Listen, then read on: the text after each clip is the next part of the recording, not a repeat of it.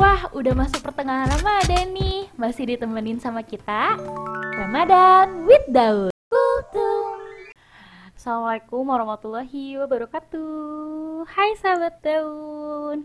Gimana nih puasanya? Nggak kerasa ya, udah hampir pertengahan atau akhir Ramadan karena sekarang udah mau ke 17 Ramadan. Nah, semoga dari tanggal 1 sampai 17 Ramadan itu kita isi semua kegiatannya dengan kegiatan yang bermanfaat. Nah, hari ini di Ramadan with Daun, Kutum sekarang aku mau membahas tentang Nuzulul Quran dalam Al-Quran surat Al-Baqarah ayat 185 yang artinya bulan Ramadan adalah bulan yang di dalamnya diturunkan Al-Quran sebagai petunjuk bagi manusia dan penjelasan-penjelasan mengenai petunjuk itu dan pembeda antara yang hak dan yang batil. Nah begitu penjelasan di Al-Quran mengenai nuzul Quran. Nah Al-Quran itu diturunkan pada bulan Ramadan Kenapa Allah menurunkan Al-Quran? Al-Quran itu sebagai pedoman kita hidup, sebagai ilmu, sebagai pengetahuan, sebagai petunjuk jalan kehidupan untuk pegangan kita sehari-hari gitu. Al-Quran Al-Karim juga memberikan petunjuk kepada manusia secara keseluruhan dan menjadi petunjuk bagi orang-orang yang bertakwa secara khusus. Allah Subhanahu wa taala berfirman di surat Al-Baqarah ayat 2, itulah kitab yang tidak ada keraguannya di dalamnya sebagai petunjuk bagi orang-orang yang bertakwa. Nah, gitu ya teman-teman. Selain itu juga Allah Subhanahu wa taala juga berfirman di surat Al-Maidah ayat 15 sampai 16. Gini bunyinya, sesungguhnya telah datang kepada kalian cahaya dari Allah dan kitab yang menerangkan. Dan kitab itulah Allah menunjuki orang-orang yang mengikuti keriduannya ke jalan keselamatan. Dan dengan kitab itu pula Allah mengeluarkan orang-orang itu dari kegelapan yang gulita kepada cahaya yang terang benderang dengan seizinnya dan menunjuki mereka ke jalan yang lurus. Cahaya yang dimaksud dalam surat Al-Maidah tadi memiliki tiga manfaat. Yang pertama itu, dengannya Allah Subhanahu wa taala memberikan petunjuk kepada orang-orang yang mengikuti keriduannya menuju jalan keselamatan. Yang kedua, mengeluarkan mereka dari kegelapan menuju alam yang terang benderang. Yang ketiga, memberikan petunjuk kepada orang yang menuju jalan yang lurus. Nah, begitu ya teman-teman, arti Al-Qur'an, maksud dan tujuan Al-Qur'an itu diturunkan itu seperti itu. Jangan cuman Al-Qur'an itu sebagai pajangan di rumah atau pajangan di rak buku gitu. Tapi Al-Quran itu dibaca dan diamalkan.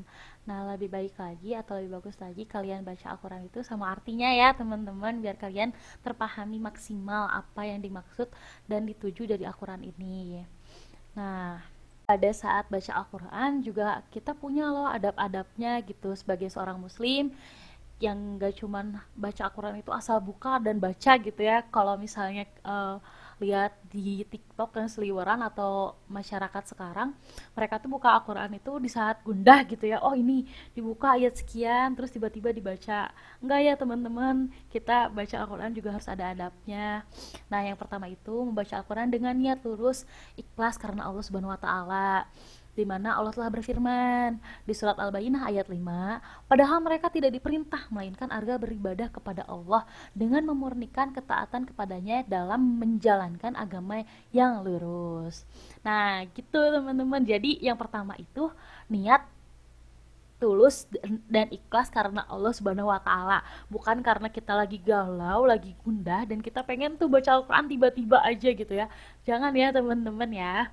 Nah, yang kedua juga membaca dengan menghadirkan hati sambil mencermati dan memahami atau khusyuk, takut dan merasa seakan-akan Allah berbicara langsung kepadanya di dalam Al-Quran ini. Jadi kita tuh benar-benar meresapi gitu membaca Al-Quran itu nggak nggak cuman kayak apa ya kalau disebutnya kayak uh, disebut rutinitas yang kita tuh nggak sadar gitu sadar nggak sadar kalau ya udahlah baca emang aku mah baca tiap hari baca tiap hari gitu tapi kita tidak menghadirkan di hati kita itu memahaminya dengan husu nah yang ketiga membaca Al-Quran dalam keadaan suci berhudu terlebih dahulu nah yang keempat, tidak membaca Al-Quran di tempat-tempat kotor. Dan yang kelima, membaca dengan suara yang indah. Nah, suara yang indah di sini bukan berarti indah harus dikuro atau kayak gimana kita bukan sih sebenarnya emang kita harus me mengupgrade bacaan kita. Nah, tapi di sini itu maksud indah itu tidak mengganggu orang lain di bacaan yang lain. Kayak misalnya kamu lebih hafal surat ini terus kamu dilantangkan gitu dan itu bisa ngeganggu orang lain. Jadi kita bacanya yang benar-benar ya kita benarkan sesuai tajwidnya. Nah, teman-teman, dari yang sudah kita bahas dari kultum pertama sampai kultum ke-17 ini, kita meyakini bahwa bulan Ramadan adalah bulan yang penuh berkah, bulan yang di mana segalanya dilipat gandakan. Hari ini tadi kita sudah membahas tentang Ramadan dan nuzul Quran. Nah, teman-teman, uh, sebagaimana kita tahu untuk memaksimalkan apa ilmu yang telah kita dapat itu adalah mengaplikasikannya pada diri gitu ya.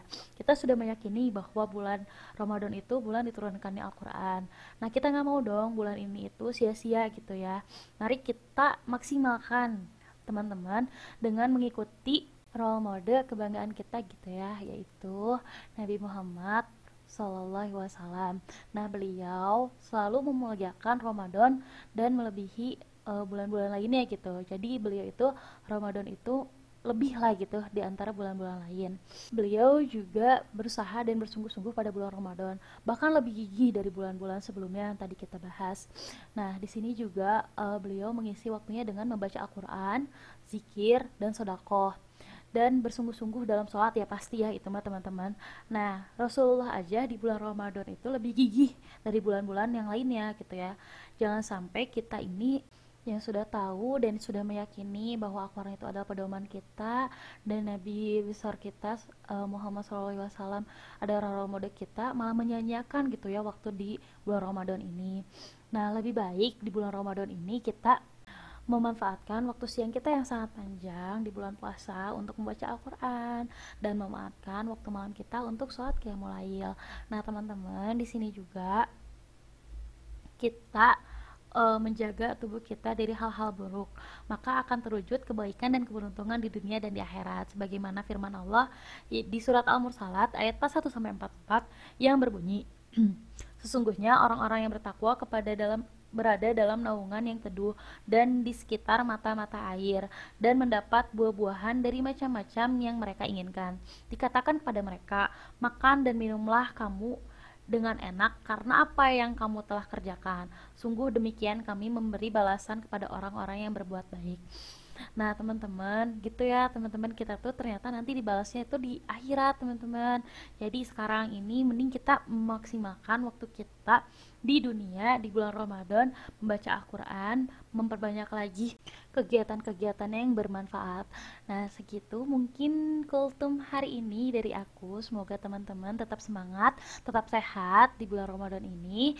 Aku tutup. Wassalamualaikum warahmatullahi wabarakatuh. Sampai ketemu besok. Dah. Alhamdulillah, kamu sudah mendengarkan Kultum bersama Ramadan with Daun. Hai sahabat daun, tak terasa kita sudah masuk pertengahan Ramadan. Yuk maksimalkan Ramadan kita dengan kegiatan yang bermanfaat. Semangatkan lagi sedekah subuh dan isi puasa kita dengan beragam amal soleh. Sampai jumpa besok.